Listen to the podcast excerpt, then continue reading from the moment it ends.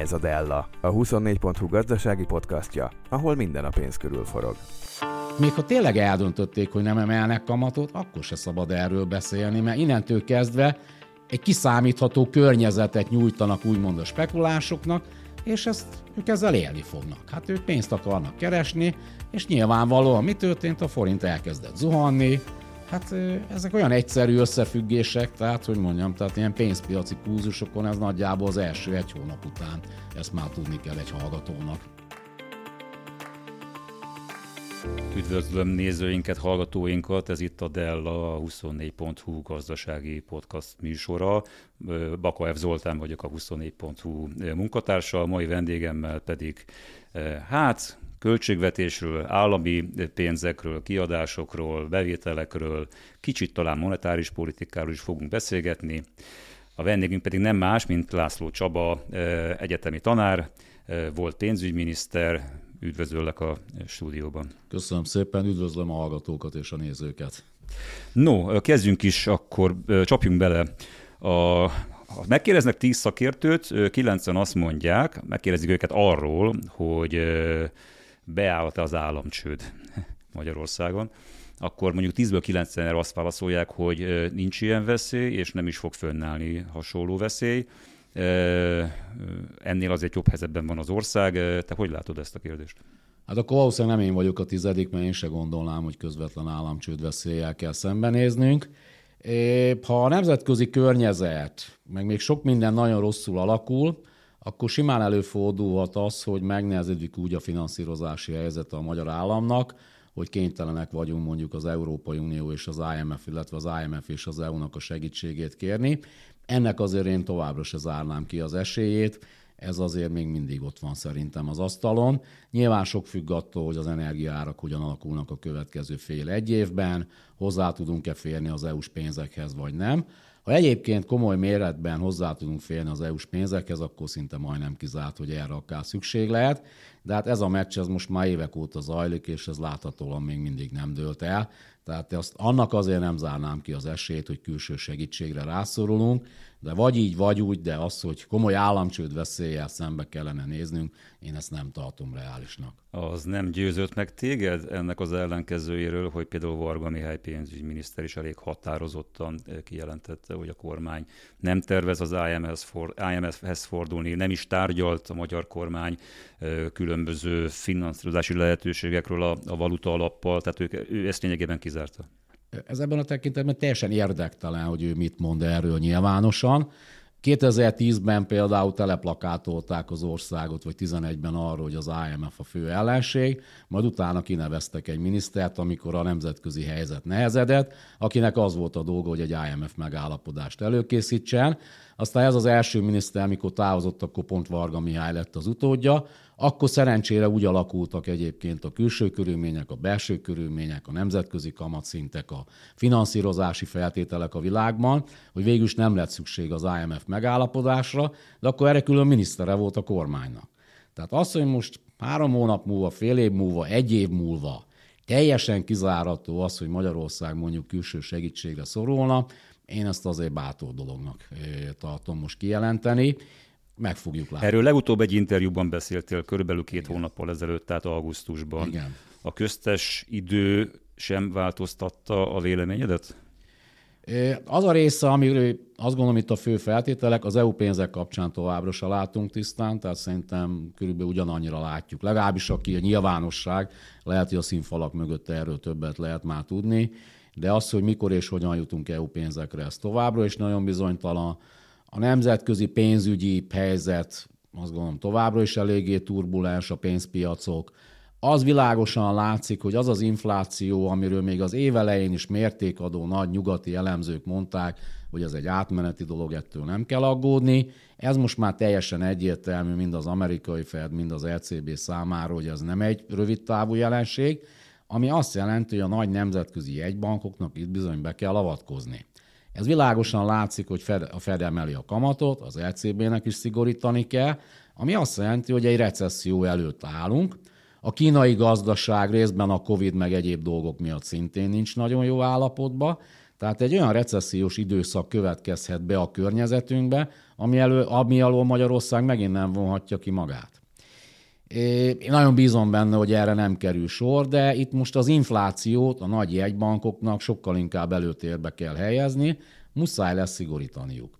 Még akkor Ehhez is, hogyha képest... ennek növekedési áldozata van. Tehát, hogy Ehhez ez a képest növekedés... azt látjuk, hogy a jegybank legalábbis a hagyományos irányadó alapkamat emelésével megállt 13% nál és egy új nevezük így terméket dobott be a piacra, ez az overnight betét 18 kal mit gondolunk akkor a Magyar Jegybank politikájáról, összefüggésben a Fed és az ECB politikájáról? Hát, őszintén szóval, amikor pár héttel ezelőtt, a, ha jól emlékszem, a jegybank elnök bejelentette, hogy na akkor vége a kamatemelésnek, mert ez innentől kezdve nem hatásos, és ezt nem szabad folytatni.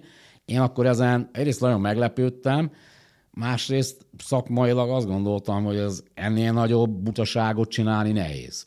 Tehát én emlékszem arra, amikor egy másik irányba a jegybank elnök között, hogy már pedig nem fogunk kamatot csökkenteni, kapásból három nap alatt bejött, mit én 5 milliárd euró az országba. Ezzel könnyebb volt egyébként megbirkózni, de azt közölni egy jegybank elnök részéről, hogy nem emelünk többet kamatot, ez szerintem a szakmai inkompetenciának az abszolút biztos mércéje. É, tanúim vannak rá, melyen zárt körű előadást tartottam, ahol mondtam, hogy ez nyilvánvalóan fenntarthatatlan, nyilvánvalóan fognak kamatot emelni, és ez felhívás a spekulásoknak. És mi történt erre nagyjából két-három hétre? Hát ugye azért az mégis kínos lett volna, hogy az alapkamatot megemelik, ezért csináltak egy új kategóriát, és egyből 5%-ot emeltek a kamaton, ami pontosan jól mutatta, hogy ennek a nem emelünk kamatot típusú bejelentésnek mennyi értelme volt szakmailag. Hát egy pénzpiacon ilyet nem lehet csinálni egy banknak. Tehát még ha tényleg eldöntötték, hogy nem emelnek kamatot, akkor se szabad erről beszélni, mert innentől kezdve egy kiszámítható környezetet nyújtanak úgymond a spekulásoknak, és ezt ők ezzel élni fognak. Hát ők pénzt akarnak keresni, és nyilvánvalóan mi történt? A forint elkezdett zuhanni, Hát ezek olyan egyszerű összefüggések, tehát, hogy mondjam, tehát ilyen pénzpiaci kúzusokon ez nagyjából az első egy hónap után. Ezt már tudni kell egy hallgatónak. A, hát vannak piaci plegykák arról, hogy talán már nem akkora a bizalom Matolcsi György iránt Orbán Viktor részéről, mint mondjuk jó pár évvel ezelőtt. Te hallasz-e ilyen plegykákat? Látod-e annak jeleit, hogy ez a nagyon erős gazdasági, politikai, szövetségi viszony, ami a, a két közszereplő részéről ugye fennállt nagyon sokáig, hogy ez talán megbomlani látszik? Hát ugye ez már így a kremlinológiának a, a világába visz. Ugye önmagában most a választásokat talán megelőző két-három hónapot leszámítva, gyakorlatilag a jegybank elnök meg a pénzügyminiszter között egy ilyen folyamatos csetepaté zajlott, ami mondjam, még akkor se volt feltétlenül ezen a szinten jellemző, amikor politikailag különböző táborokba tartozott mondjuk a kormány meg a jegybank elnök. Tehát mondjuk az én időmben, de még ott is hogy mondjam, egyfajta kultúrát szinten zajlott a vita a nyilvánosság előtt. A jegybank elnök meg ilyen pamfletekben támadta a pénzügyminisztériumot, a pénzügyminisztérium óvatosabban, de néha azért visszavágott, és akkor ez így, ez így zajlott már másfél-két éve. Ugye a Covid alatt például a jegybank egy időben azt mondta, hogy hát itt szó nem lesz recesszióról, miközben nyilvánvaló volt, hogy a fél ország leállt, tehát nem tudjuk megúszni, akkor hol azért támadták a kormányt, hogy túl nagy a hiány, aztán túl kicsi a hiány. Tehát ebbe a tekintetben itt mindig volt egy turbulencia, és számomra ez fura volt, hogy a, a jobb oldalon bizonyos dolgokban azért általában nagyon nagy összetartás van. Tehát az alapvető politikai üzenetek kapcsán legyen az migránsok, legyen ez Brüsszel, legyen ez Soros, legyen ez bármi, ott általában kibeszélés nem volt, de a gazdaságpolitikában volt egy ilyen fura vita, amit az ember, én legalábbis kívülről nézve nem nagyon értettem. Szerintem most ez egy picit fokozódott, mert a, szerintem a miniszterelnök nem túl jó ütemérzékkel, de a teljes kormányt felforgatta a gazdaságpolitikai szempontból.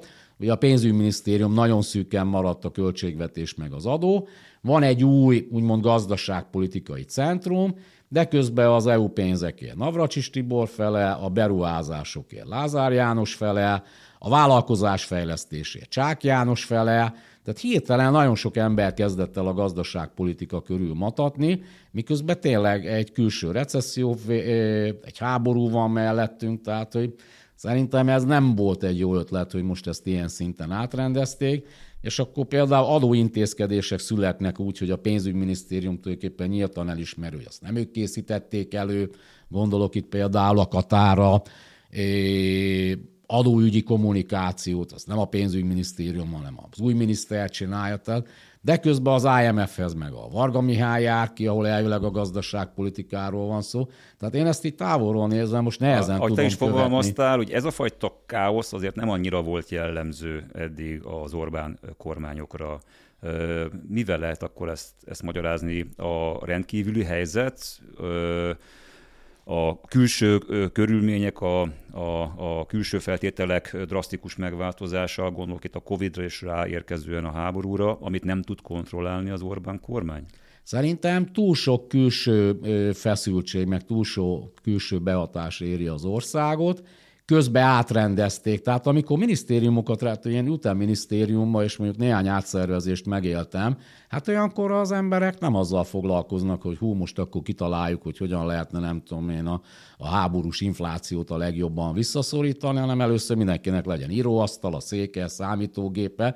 Tehát ilyenkor van egy átmeneti, akár több hónapig tartó bizonytalanság, amikor emberek jönnek, mennek, az államtitkárok cserélődnek adott esetben, és ilyenkor hát nem feltétlenül a munkájukra koncentrálnak a bürokraták. De fél év eltelt már a választások óta, tulajdonképpen a kormány alakítás óta is jó, jó idő eltelt már, tehát épp lett volna épp, éppenséggel elég idejük megtalálni a helyüket ebben. A Nekem az a gyanúm, hogy vannak személyi ellentétek is, és erre végképp nincsenek konkrét információm, de így kívülről időnként olvasva nem úgy tűnik, hogy feltétlenül nagy az összhang és a barátság a főszereplők között. Hát ugye a három főszereplő azért ebben a sztoriban a jegybank elnök, ugye ő elég szépen csörtézik a pénzügyminiszterrel már jó ideje, Ugye a gazdaságpolitikailag meghatározó szereplő az az ő helyettese volt, aki elég fura és elég rapid körülmények között támozott a jegybankból, tehát biztos azóta összejárnak családilag, és vasárnapi ebédnél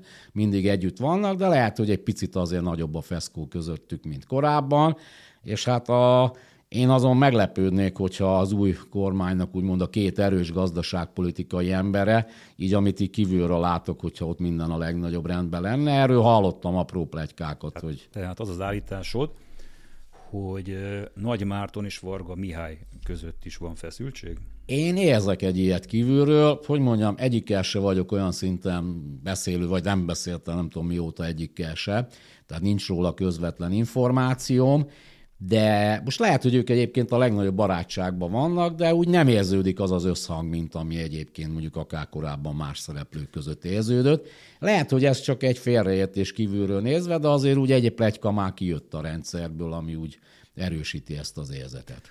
A jegybankhoz még visszatérve, mit gondolsz arról, hogy a forint árfolyam alakulása, az, hogy a térségi devizákhoz képest is sokkal jelentősebb mértékben gyengült úgy az euróhoz, mint a dollárhoz képest. Hogy ebben a, a piaci körülményeken túl mekkora szerepet játszik a, a Magyar Nemzeti Bank hitelességi deficitje, ami azért egy eléggé elfogadott tézis szakmai körökben, hogy ez közrejátszik, és mit kellene tennie, vagy mit tud tenni a jegybank annak érdekében, hogy ez a hitelességi hiány ez ellensúlyozódjon. Hát az a baj, hogyha egy banki vezetők meg egy jegybank elveszíti a hitelességét, azt mondjuk tízszer annyi energiába kerül visszaszerezni, mint, mint elveszíteni. Ami ennél szerintem azt a nagy... mondhatjuk, hogy elvesztette a jegybank a hitelességét? Én azt gondolom, hogy vannak. Most hogy teljesen elvesztette, ezt nyilván nem lehet meg. Hozzáteszem, hogy a, persze a hitelesség, meg a bizalom, meg a kommunikáció, ezek mindig fontos dolgok, de azért a nap végén azért azt nézik a befektetők, hogy például mennyi a kamatszint. És hogyha például kamatot kell emelni, és a jegybank végül is a nehezen is, meg kicsit trükkösen is, de rákényszer, akkor azt mondják, hogy értik a problémát, reagáltak rá, adtak rá egy adekvát választ. Tehát ebben a tekintetben viszonylag hamar tud akár egy bizalmi deficitet csökkenteni a jegybank, mert hogyha nagyon nyilvánvaló helyzetekbe adekvát válaszokat kezdenek adni, azt a piac normálisan fogja kezelni. Annyiban szerintem... A legutóbbi döntések nem tartoznak ebbe a kategóriába? Hát a mostani kamatemelés az már ebbe tartozik, amit előtte csináltak, az szerintem az egy álmokfutás volt, hogy így finoman fogalmazzak. De a magyar jegybanknak szerintem annyival most sokkal nehezebb a helyzet, túl egyébként a saját szakmai problémáim, meg a saját szakmai hitelességén, hogy itt az egész ország hitelességéről is beszélünk, amihez olyanok tartoznak, hogy mondjuk a magyar vezető kormánypárt ugye kikerült a néppártból, mindenféle jogállami eljárások zajlanak Magyarország ellen, az Európai Uniós pénzekhez való hozzájutásunk, ez hogy mondjam, erősen kétséges, Magyarország legfontosabb katonai értelemben stratégiai partnerével sok került olyan jó kapcsolatot kialakítanunk, hogy felmondták az egyébként Magyarország számára kifejezetten nagyon kedvező magyar-amerikai kettős adóztatás elkerüléséről szóló egyezményt. Mondjam tovább. Tehát, hogy ezek mind olyan típusú jelzések, amik már nem is a jegybank kezébe vannak. Tehát, ha most például holnap kiderülne, hogy mondjuk november 1-től időarányosan elkezdjük tudni leívni az összes EU pénzt, akár a támogatást, akár a hiteleket, akkor azt gondolom, hogy forint azonnal elősödne 30-40 forintot, és akkor sokkal nagyobb lenne a bizalom, és ez a jegybank, hogy mondjam, ez, ez nekik nem sok közük van. É, nyilván, mondta, hogyha hogy a jegybank se... Tehát, nem csak a jegybankkal szemben van hitelességi ö, probléma. Abszolút. Tehát, hogy amikor a forint árfolyamot nézzük, akkor az nem csak a jegybankról szól, hanem az egész országról szól. Meg azt, hogy mondjuk, oké, okay, mennyi a deviza tartalék, ugye erről Sorányi György szokott sokat beszélni, és mondjuk a csehek belementek a mostani válságba 150 milliárd eurós devizatartalékkal, ami meg 35-tel, úgyhogy az ő államadóságuk szerintem legalább 20-30 százalékkal alacsonyabb, mint a miénk. Igen, bár visszatekintve az látszik, hogy igazán érdemben ennél nagyobb nem nagyon volt a jegybanki devizatartalék. Tehát nem az történt, hogy egy ilyen helyzetbe találta a jegybankot és az országot a válság, hanem mindig is erre a szintre lőtte be a Magyar Nemzeti Bank a tartalék szintjét. Hát én még arra is emlékszem, de ez már tényleg nagyon messzire vezet, amikor ugye a 2000-es évek, szerintem ilyen 2002 előtt, amikor arról beszélt, hát tulajdonképpen nem is kell devizatartalék, mert mindjárt belépünk az EU-ba. És akkor én így elhűlve hallgattam, meg így a 2004 utáni időszakban is volt ilyen időszak, hogy hát már mindjárt ott vagyunk az euróban, nem kell devizatartalék. Aztán 2008-ban nagyon gyorsan megtanultuk, amikor egy óriási IMF csomaggal kellett feltölteni a devizatartalékot, Hozzáteszem, hogy a devizatartaléknak valószínűleg azért is kell növekedni egy olyan országban, mint Magyarország, mert nálunk folyamatosan nő az export, folyamatosan nő a devizaforgalom, és azok a mutatók, amiket nő, néznek a piacon, ezek automatikusan egyre nagyobb devizatartalékot igényelnek. É, tehát ez ebből a szempontból, plusz tulajdonképpen volt nagyjából 2020-ig egy olyan kegyelmi pillanat, olyan 5-6-7 év, amikor tulajdonképpen ilyen fél egy-két százalékos kamatokra 20-30 évre lehetett felvenni adott esetben forrást a devizapiacokon. Na ekkor sikerült az, hogy kizá, és hogy mondjam, nem a deviza adósságnak vagyok a híve, tehát nem gondolnám, hogy a magyar államadósságot teljesen devizába kellene, de mondjuk ez alatt az időszak alatt azért lehet, hogy 5-10 milliárd dollárral több kötvényt ki lehetett volna bocsátani, mondjuk 10-20 éves lejáratra, egy másfél-két százalékos kamatta, és akkor most egy picit nyugodtabban lehetne aludni. Voltak olyan országok, akik egyébként ezt tudomásom szerint megtették, Ehelyett mi erőltettük a lakossági finanszírozástól, eleve 5 év volt a felső limitje, amit a lakosság hajlandó volt megvásárolni, ami aztán a statisztikai, hát hogy mondjam így, a, a trükközésnek nem minősíteném, de ezek a kötvények ráadásul olyanok voltak, hogy tulajdonképpen komoly kamatveszteség nélkül bármikor ezeket vissza lehetett váltani. És mit ad Isten, megindult felfelé az infláció, a lakosság elkezdte visszaváltani ezeket a kötvényeket, tehát valójában a magyar államadóság lejárati szerkezete még annál is sokkal rosszabb volt, mint amit a statisztika mutatott, mert a statisztika szokás szerint nem a valóságot mutatta. És most itt nézünk ki a fejünkből, hogy hát akkor kicsit nehezebb a finanszírozás. Hát ugye a magyar államadóságnak én az elmúlt két évet néztem, több mint 10 milliárd forint volt évente a finanszírozási igénye. Tehát persze az fontos, hogy mennyi a hiány, de valójában 80-90 százaléka annak a pénznek, amit egy évben az államnak be kell szedni, az valójában a korábbi hiteleknek az újrafinanszírozása. Hát ez idén lehet, hogy több lesz ebből következő. A amellett érvelsz, hogy fel kéne építeni egy komolyabb tartalék szintet ugye a jegybankban. Ehhez képest olyan döntés született az MNB-ben, hogy még tovább fogják kapasztani ezt a tartalékot, ugye az energia számlák kiegyenlítésére lehet majd a jegybankhoz közvetlenül fordulni devizáért. Ez egy olyan ide, idén számítások szerint olyan 4-5 milliárd euróval fogja apasztani a jelenleg olyan 38 milliárd euró környéki tartalékot, tehát vissza fog esni a 33 milliárd környékére. Mit gondolsz erről az intézkedésről? Én azt gondolom, hogy önmagában ezzel nem biztos, hogy baj van, mert attól, hogy most a jegybank direktben nyit erre egy csatornát, ez lehet, hogy egy kicsit kezelhetőbbé teszi a piaci turbulenciákat. Hozzáteszem, a nap végén valószínűleg amúgy is a magyar deviza tartalék terhére ment volna ez az energiaszámla. Tehát attól, hogy nem egy közvetlen csatornán, hanem mondjuk a bankrendszeren keresztül, ettől még valószínűleg ugyanúgy a jegybank adta volna a végén a devizát ehhez, tehát azt gondolom, hogy valószínűleg a magyar deviza tartalék szintjére nincs jelentősége, hogy most van ez a speciális eszköz, vagy a normál piaci mechanizmusokon keresztül ugyanúgy a nap végén a jegybanktól jött volna ez a deviza. Tehát ebbe valószínűleg egyébként szerintem nincs érdemi különbség. Hát pont az a probléma, hogy egyre nagyobb az ország deviza számlája, ezért nyilvánvalóan a bankrendszeren keresztül a jegybanknak a deviza tartaléka fog a nap végén apadni. Na most egy szerintem fontos szempontra ad utaljak, ami ennek kapcsán szerintem előjön, mégpedig arra, hogy ugye a magyar gazdaságban ugye növeljük a hazai tulajdon arányát, ez a tulajdon egyébként időnként hol az állam, hol az állam által strómanolt egyéb maga, maga, magyar magánszemélyek.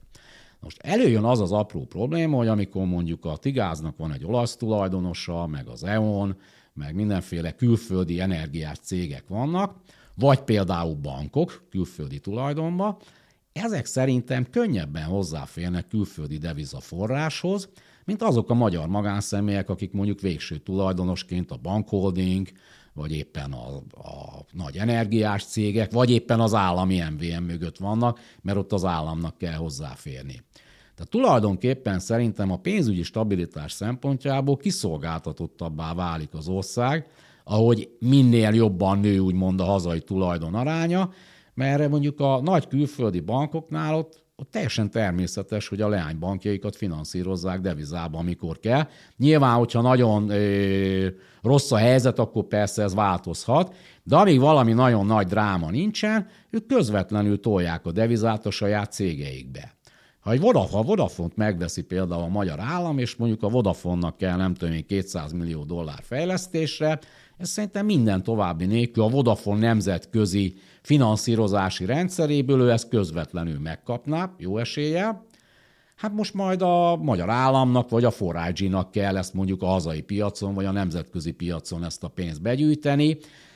Bármekkor összegbe fogadom, hogy több száz bázisponttal drágábban fog tudni finanszírozáshoz jutni, mint mondjuk a Vodafone-nak a nagy központi trezsörie. Akkor a kormány szerinted valamilyen félreértésben lehet, hiszen a, azzal indokolták ezt a struktúra változ, változás, változtatást a gazdaságban, a tulajdonosi szinten, azért gondolták és tartották előnyösnek a magyar tulajdoni hányad növelését a magyar gazdaságban, hogy hogy válsághelyzetekben a magyar tulajdonú cégek itthon fogják tartani a tőkéjüket, nem menekítik ki az anyaországba, és továbbra is fenntartják a működésüket, a tevékenységüket. Én most a próbálom az Orbán kormányt szövegkön interpretálni. Ezzel szemben a külföldi cégek pedig az első bizonytalanságra, a világgazdaság megrezdülésére, amennyire lehet kimenekítik a tartalékaikat. Ugye ez nem. azért nem igazán igaz ez az érvelés. Azok az ágazatok, amikre ők céloznak, ott nem nagyon van hová menekülni. Tehát a bankszektor, az energia, a telekom, ezek nem azok az ágazatok, ahol én becsukom a boltot, és kivonulok, és gond nélkül elhagyom az országot. Én láttam olyat, amikor a az régen volt, amikor egy feldolgozóipari cég bejött Magyarországra, elindult a termelés, majd egy globális döntés hatására négy hónap múlva az egészet leszerelték és elvitték. Ez van bizonyos iparágakban, ahol ez működik. Na ezekkel pont nem foglalkozik az Orbán kormány, egyébként jobb is. Tehát ez, ez de mondjuk egy bankot, tehát ha megnézzük... Az autógyártók például elég könnyedén ki tudják vinni a profitjukat innen. De Csendben mondom, például nézzük meg, hogy 2008 után hány forintjába került a magyar adófizetőknek az, hogy a legnagyobb külföldi tulajdonban lévő magyarországi bankok 100 milliárdos veszteségeket hoztak össze. Ugye itt négy bankot szoktak leginkább emlegetni, ezek együtt szerintem 6-7-800 ezer milliárd forintot összehoztak. Mennyibe került ez a magyar adófizetőknek? Nulla forintjába. Írország, Szlovénia az majdnem csődbe ment abba, hogy a saját tulajdonú bankrendszere ugyanúgy működött, mint ezek a magyar bankok, és ezek majdnem csődbe vitték Szlovéniát és Írországot, és mondjuk Írországban, nem tudom én, a duplájára nőtt az államadóság mondjuk két év alatt, vagy egy év alatt. Na most rossz hírem van, hogy miután a bankok, ez, hogy a pénzügyi szektorban jönnek a válságok, hogy ez 5 évente, 10 évente, 20 évente, ez változó. Ez olyan, mint a sertésciklus. Én agrárközgazdászként végeztem. Tehát előbb-utóbb jön. Hogy amikor majd egyszer a magyar bankholding fog valamiért megborulni, azt már mi fogjuk kifizetni. Amikor az Erztében, meg a Cibbe, meg a Rajfelzenbe kellett betolni a lóvét, azt az osztrák, az olasz, a belga, a belgák nem, a német adófizetők gyönyörűen kifizették, és a magyar adófizetőknek egy fillérjében nem került. És az utolsó fillérig finanszíroztak mindent. Most a saját lábunkon kell megállni, ami egyébként, amikor óriási pénzbőség van a nemzetközi pénzpiacokon, akkor ezzel nincsen semmi gond. De most pont nem ilyen időket élünk, mennek felfelé a kamatok, mindenki óvatosabb, egyre kockázat érzékenyebb, Hát és ilyenkor szerintem kérdés, hogy mondjuk ki a, ki a jobb adósa a nemzetközi piacon, a magyar állam, vagy éppen a magyar államnak a strómanjai, vagy a magyar állam kedvezményezett magánszemélyei, vagy mondjuk egy nagy multinacionális cég. És azt láttuk, egyetlen bank nem engedte el a magyar leányának a kezét, egyetlen energiás cég nem engedte el, egyetlen telekom cég, senki nem engedte el a kezét. Tehát az, hogy ezek válságban azonnal elmenekülnek és itt hagyják a magyar fogyasztókat, ez, ez nem egy lemétező dolog. Ezekben az iparágakban ezek a szereplők ezt nem engedhetik meg maguknak.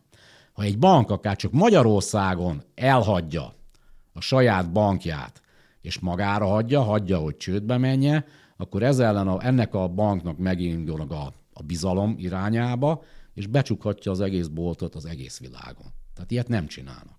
A napok... Ez egy teljes félreértés. Ez a... a napokban arról is beszélt Orbán Viktor, hogy eh, az elmúlt 12 évben a magyar gazdaság, és hát Magyarország ámblok mindig megerősödve került ki a válságokból. Legyen szó a 2008-as pénzügyi válságról, a 15-16-os migrációs válságról, és aztán 20 környékén a Covid-ból. Tehát lehet bízni abban, hogy a mostani globális gazdasági válságból is így fogunk majd kikerülni, de vajon tényleg így kerültünk-e ki?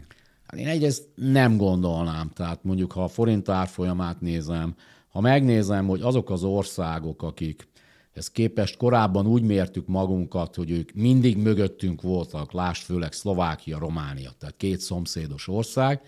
Szlovánia már nem kérdés, hogy gyakorlatilag szinte minden szinten előttünk van.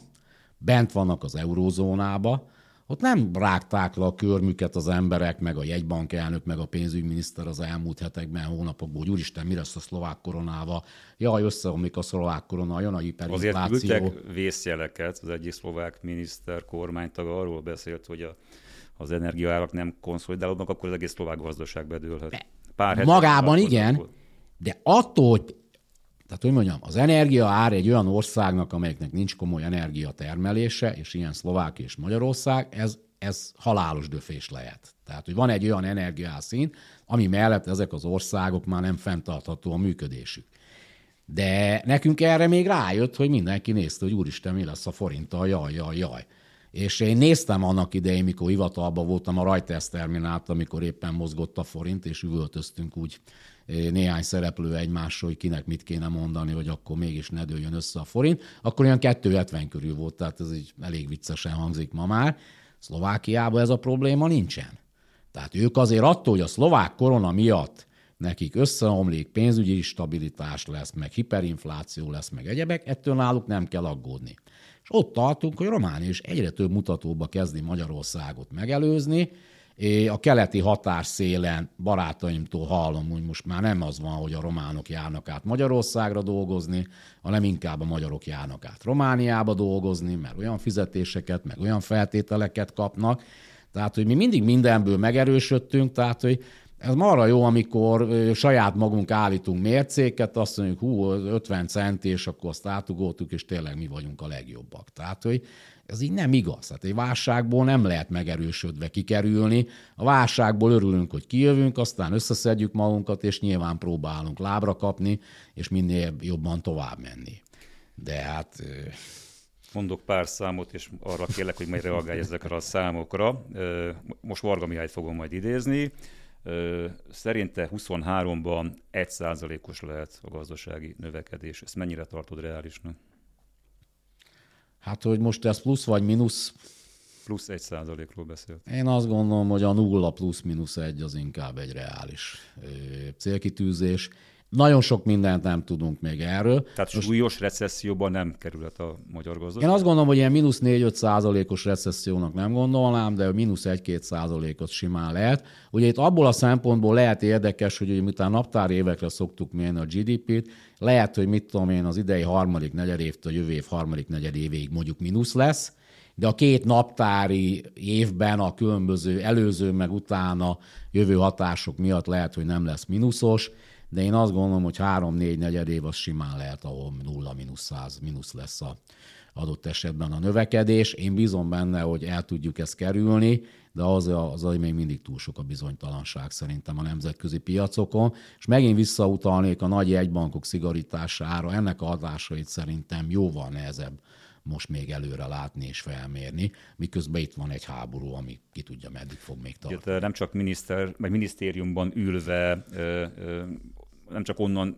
volt rálátásod a magyar gazdaságra, hanem tanácsadóként is dolgoztál, dolgozol is még komoly nagy cégeknél, tehát a, a reálszférával is egy elég szoros kapcsolatod volt, van ha onnan, ha innen nézünk, az üzleti környezet felől nézzük ezt a kérdést, hogy lehet-e jövőre növekedés, akkor mi most, mik most a friss tapasztalatok, hogyan élik meg ezt az időszakot a cégek, hogyan próbálnak reagálni, lesznek-e elbocsátások, cégbezárások, a tevékenység átmeneti felfüggesztése, visszafogott béremelés, tehát mi van most benne a csomagban?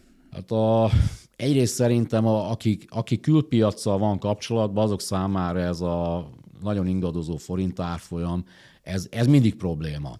Tehát nagyon érdekes, hogy például az exportőrök azt szokták mondani, hogy persze minél gyengébb a forint, annál jobb. Aztán, amikor a forint hirtelen elkezd leföl akkor hirtelen azt mondják, hogy jó, jó, jó nekünk a gyenge forint, de, de jó lenne egy kicsit stabilis lenne, mert ezt nehezen tudjuk kezelni. Tehát, hogy azért ez, tehát egyrészt a stabil ár, stabilabb árfolyam, és ez a hektikus ingadozás, ez nagyon zavarja a cégeket, akik főleg külpiacsal, akár import, akár export oldalról érintettek. Ide hadd be egy kérdést, látsz olyan ö, igényt a cégek részéről, hogy átálljanak euró alapú működésre? Hát ugye ez egy vicces története, vicces, hát az elmúlt hónapokban hogy ugye elindult egy eurolizáció Magyarországon, ugye ennek vannak korábban is jelei, például Budapesten ingatlant euróban lehet kivenni már, mint üzleti ingatlanokat. Na most nagyon érdekes, mert ugye a magyar kormány most hirtelen megengedte, hogy euróba, devizában lehet adót fizetni. Ez azért nagyon érdekes, mert a középkori királyok számára is alap volt, hogy a saját pénzükben lehetett náluk adót fizetni, mert ezzel biztosították azt, hogy az ő pénzüket mindenki elfogadja. Tehát ez egy abszolút megdönthetetlen, megingathatatlan alapel volt. Erre most a magyar állítólag ezt néhány multicég kérte, én nem tudom, de azt hiszem ez volt az egész mögött, és hát, hogy hát ez úgyse kerül sokba, nekik nem kell oda-vissza váltogatni a devizát, hadd fizessenek devizába adót. Szerintem egy szuverén állam ilyet nem tesz. Most ezek után ha most Magyarországon rendeznének egy népszavazást, vagy legyen csak, hogy szíve nemzeti konzultációt, tehát szerintem ez egy érdekes nemzeti konzultációs kérdés lenne, megkérdeznék az embereket, hogy a mai árfolyamon átváltják a fizetésüket euróba, szeretnék euróba kapni a fizetésüket. Hát én szerintem egy olyan jó 70-80-90 százalék a magyar lakosságnak azt mondaná, hogy igen. És akkor innentől kezdve miről beszélünk? Tehát üzleti kapcsolatokban szabadon lehet eurót használni, adót szabadon lehet euróban vagy dollárban fizetni, és még a fizetéseket is euróban fizetjük, akkor innentől kezdve szerintem végképp le kéne tennünk az önálló magyar forintnak a gondolatáról. É, szóval ez egy nagyon érdekes irány ebből a szempontból. Szerintem úgy most így kicsit felgyorsul ez az eurorizációnak a folyamata szerintem Magyarországon. Szóval ott tartottunk, hogy a cégek hogyan reagálnak erre a, a ez az egyik, tehát ez, a, ez az egyik legnyilván. A másik az a munkaerő egyértelműen. Tehát van egy nagyon fura helyzet, mert korábban az volt, hogyha recesszió, felment a munkanélküliség, ez csökkentette a bérnyomást, és ez egy nagyon klasszikus közgazdasági gondolatmenet és összefüggés volt. Most annyiban bonyolultabb a helyzet, hogy mindaddig, amíg Nyugat-Európában is van még munkaerő kereslet, addig tulajdonképpen Magyarországon valaki elveszíti a munkáját, akár elmehet minden további nélkül nyugatra. Ami azt jelenti, hogy nem lesz egy olyan munka, fölös munkaerő kínálat a piacon, ami fékezi a béreknek a növekedését, tehát simán lehet, hogy az az árbér spirál, amitől nagyon sokan félnek a közgazdászok közül, az pont emiatt ez megérkezik, és, és sokkal nehezebben és lassabban lehet az inflációt csökkenteni. Csak zárójelben mondom, a magas infláció az szokott a költségvetésnek, meg az államadóságnak a mértékén segíteni, miközben azt is tudjuk, hogy a legszegényebb rétegek járnak mindig a legrosszabbul az inflációval, tehát általában nem a gazdagok szoktak a híd alá menni, É, tehát szerintem a másik ez a munkaerőpiaci dolog, hogy továbbra is legyen elegendő munkaerő, de most egyre inkább, hogy tehát több cégtől hallom, hogy évközben hirtelen, tehát ami korábban soha nem volt, most a nyár közepén csináltak egy rendkívüli béremelést. Ugye a sajtóban is megjelentek ilyen hírek, mert hogy cégek érzik, hogy nem szeretnék elveszíteni a legjobb munkaerőt, a legjobb munkatársakat, fontos, hogy meg tudják őket tartani. Na most ha egyre több cég kezdi el azt, hogy már egy évben nem egyszer emel bért, hanem kétszer, aztán majd háromszor, aztán majd négyszer, és elkezd a bér áspirál beindulni, hát az mindig nagyon fájdalmas és nagyon nehéz szokott, hogyha ezt meg te akarjuk sem fékezni. azzal, te sem számolsz azzal, hogy a munkanélküliség érdemben megugorna. Én nem gondolom, tehát, hogy most egy-két százalék plusz-minusz, nyilván mínusz most nem, de plusz lehet benne, de az, hogy mondjuk így kétszeresére, háromszorosára jön őre a munkanélküliség. Vagy 12 százalékosra, hogy Orbán nem, Viktor nem, nem, nem. említette egybe. Én azt gondolom, hogy ennek nincs esélye. Ugye például az egyik olyan ágazat, ahol láthatóan itt most problémák lesznek a következő egy-két-három évben, az az építőipar. Ugye az építőipar alapvetően állami, de vannak magán, de főleg állami projektek miatt elképesztő munkaerőhiányjal küzdött az elmúlt években, írgalmatlan módon mentek föl az árak, Viszont most úgy tűnik, hogy az összes állami projekt, amikor kifut, utána hirtelen most nem lesz. Én már hallottam olyan magánbefektetőt, aki egy ilyen hát bevásárlóközpont beruházásnak van úgy a, abban a fázisában, hogy elkezd a kivitelezőkkel tárgyalni, azt mondja, teljesen váratlan az elmúlt egy-két hónapban így tömegével kezdik hivogatni, mert láthatóan a, a rendelési könyv az tele van mondjuk februárig, márciusig, áprilisig, és utána semmi. Ő meg valamikor jövőre fogja ezt a beruházást megcsinálni, és hirtelen most egész jó árakon nagyon népszerű lett és kezdik keresni, mert nincs, nincs kereslet. Na most hozzáteszem, ha az építőiparba felszabadul munkaerő, az aztán minden további nélkül mehet Nyugat-Európába, mert szerintem ott végtelen mennyiségű jó szakembert lehet tudnak felszívni az építőiparba. Szóval ez a, például az építőiparnál is ez könnyen benne lehet, hogy még két év múlva is, amikor minden építőipari cég nyafogni fog, még akkor is ott lesz, hogy nem találunk majd egy szakit, aki Akkor hol fog lecsapódni a válság, ha nem a munkaerőpiacon? Én azt gondolom, hogy a munkaerőpiacon abban az értelemben, hogy az infláció és a bérek között azért lesz egy rés. Tehát én reálbércsökkenésre számítok, és itt nyilván azok a munkaerő csoportok, akik a leginkább kiszolgáltatottak, mert nincs speciális tudásuk, nincs, speci- nincs olyan hiány belőlük, ott szerintem egyértelmű reálbér csökkenés lesz, és azon keresztül kezdenek majd így a makro egyensúlyok részben. kell számolni? Szerintem az is lesz benne. Tehát, a, tehát az a fajta lakossági óvatosság, az a fajta lakossági izgalom, ami a háború és az infláció miatt van, ez azokat az ágazatokat, amelyek nem alapvető élelmiszereket, nem alapvető termékeket, azoknál szerintem ez bőven benne van. Tehát például szerintem a vendéglátásban nagyobb, hát fog tűnni nagyobb problémák lesznek, mint például a Covid alatt, mert azt úgy lehetett tudni, hogy ez egy átmeneti dolog. Tehát például a szolgáltató szférában azok a területek, amik nem létfostosságú, ott szerintem komoly bezárásokra lehet számítani, ami nem azt jelenti, hogy ilyen nagy üzemek fognak két-három ezer fővel, hanem három, négy, öt, tíz kis vállalkozások fognak bezárni, de azok viszont százával, ezrével. Mondok még egy számot, szintén Varga Mihályt idézem, 23-ra vonatkozóan az infláció az 10% fölött lesz valamivel, 10-11% környékére várja most a kormány. Ez azért nagyon mókás, mert emlékeim szerint ugye a kormány sportot csinál belőle, hogy június körül elfogadja a költségvetést az elmúlt években, és ebben mindig van egy gazdaságpolitikai kitekintés, és most a pontos számra nem emlékszem, de amikor most júniusban megnéztem, akkor hangosan elkezdtem kacagni rajta, hogy most ezt komolyan gondolják. Szerintem egy számjegyű, de hát alapból ezt majd meg kéne nézni. Szerintem 6 körül inflációt írtak le júniusban a jövő évben. 9 rémlék. Tehát, hogy ennek mi értelme van? Tehát amikor a benyújtott költségvetéshez tartozó makrokeret az már az első pillanatban irreális, most meg már októberben nézve nevetséges, sőt saját maguk az ellenkezőjét mondják, tehát ez nekem egyszerűen felfoghatatlan, hogy ennek mi értelme van júniusban. És akkor, a jól értem, már a jövő évi költségvetés, ami hatályba lépett, de még, már úgy, hogy kihirdették, de még nem kezdett el működni, már nem is tudom hányszor módosították, tehát hogy így. Jó. É, hát szerintem a 10% az egy elég optimista. Tehát ez simán lehet 12-13. Magyarul duplája annak, mint amivel tervezték a költségvetést, ami azért érdekes, mert a kiadások egy része az óhatatlanul nyilván emiatt el fog inflálódni.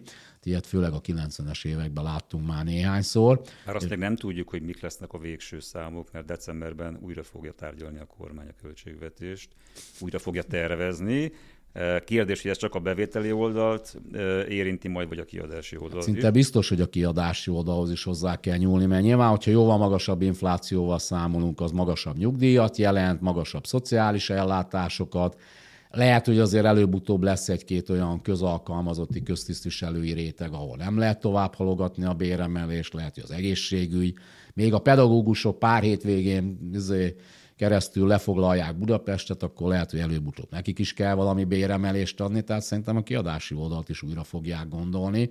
Plusz a júniusi költségvetésben, jól értem, még semmi nem volt azokból a beruházás leállításokból, amit az elmúlt egy-két hónapban kiderült, amik egy része egyébként, hogy mondjam, én nagyon boldog vagyok, hogy néhány hülyességtől talán megszabadulunk egy időre, de hát nyilván rengeteg olyan útépítés van benne, ami meg egyébként fontos lenne az országnak.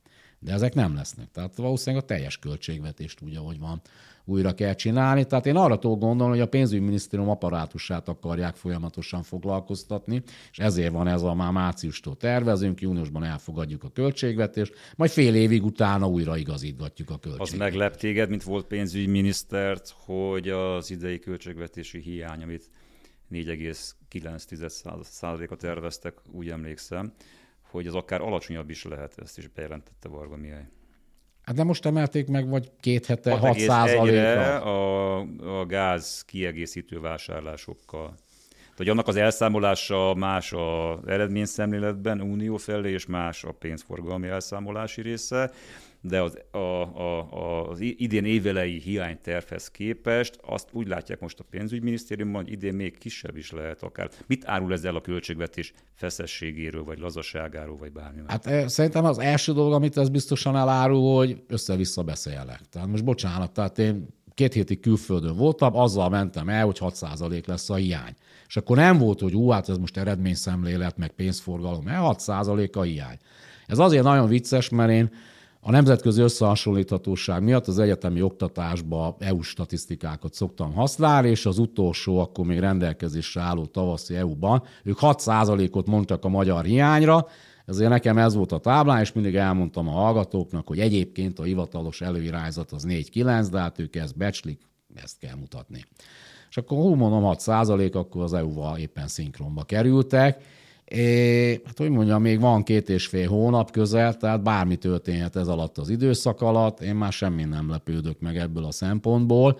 Az látszik egyébként, és akkor komolyra fordítva a szót, hogy a kormány azt azért érti, hogy a nemzetközi piacok, meg a nemzetközi finanszírozási feltételek szempontjából most ez nem az az időszak, amikor a nagy költekezéseket kell mutatni. Tehát ez tavaly még a választások, meg idén az első fél évben még úgy, ahogy elment, de most már nekik muszáj azt mutatni, hogy nagyon spórolunk, nagyon odafigyelünk, nagyon megfogjuk a kiadásokat, és hát mit ad Isten, most ezt próbálják. Bár tudom, hogy nincsenek megszorítások, de amikor így hirtelen 1-2 százalékkal csökkön mondjuk a hiánycél, akkor emögött nyilván valami megszorítás kell, hogy legyen. Azt én értem, hogy a politikai kommunikációban az elinflálás az nem a megszorításnak a szinonimája, de azért közgazdasági értelemben ezt pontosan tudjuk, hogy ez ugyanerről szól. Világos. Utolsó kérdésem, hogy látod a magyar makropája, mikor térhet vissza az ideálisnak gondolt évére? Értem ez alatt a 3% körüli inflációt, 4-5%-os gazdasági növekedést. Hú, Hát szerintem az infláció az még 24-ben se lett 5 alatt. Én nem gondolnám, hogy ez ebből a szempontból reális. A növekedés az főleg, hogyha ilyen éves hatásokat nézünk, akkor az ilyen 3-4 százalék lehet már 24-ben. Én 23-mal kapcsolatban, ahogy mondtam, nagyon óvatos vagyok, tehát 24-ben ez lehet már egy 2-3-4 százalék. Hozzáteszem, nagyon sok függ attól, hogy EU pénzek jönnek, nem jönnek. Tehát a mondjuk 11-12-től kezdve Magyarországon a nettó átlagos EU pénz, amit kapott az ország, az olyan 3,5-4 százaléka volt a GDP-nek. Most az, hogy ez van vagy nincs, ez önmagában 1-2-3 százalékot eldönt a magyar növekedésből. Tehát, hogy ez egy nagyon bizonytalan dolog. Csak zárójelben mondom, hogy a nagyon híres Marshall terv, amiről a történelemben tanultunk, az négy év alatt adott 2 százalékot összesen, azaz évi fél százalékot annak a hét országnak, aki ebből részesült. Na ehhez képest mi mondjuk 10 évig kaptunk évi 3,5-4 százalékot nettó. Nettó támogatást. Egyébként a magyar devizatartalék ebből van feltöltve. A magyar devizatartaléknak ma például nincs forrásköltsége, ellentétben a 70-es, 80-as, 90-es, 2000-es évek első felével. Tehát, hogy szerintem 24-5, amikor így ilyen, főleg infláció szempontból, amikor egy ilyen normálisabb időszakhoz visszatérhetünk. László Csaba, köszönöm szépen a beszélgetést. Köszönöm szépen.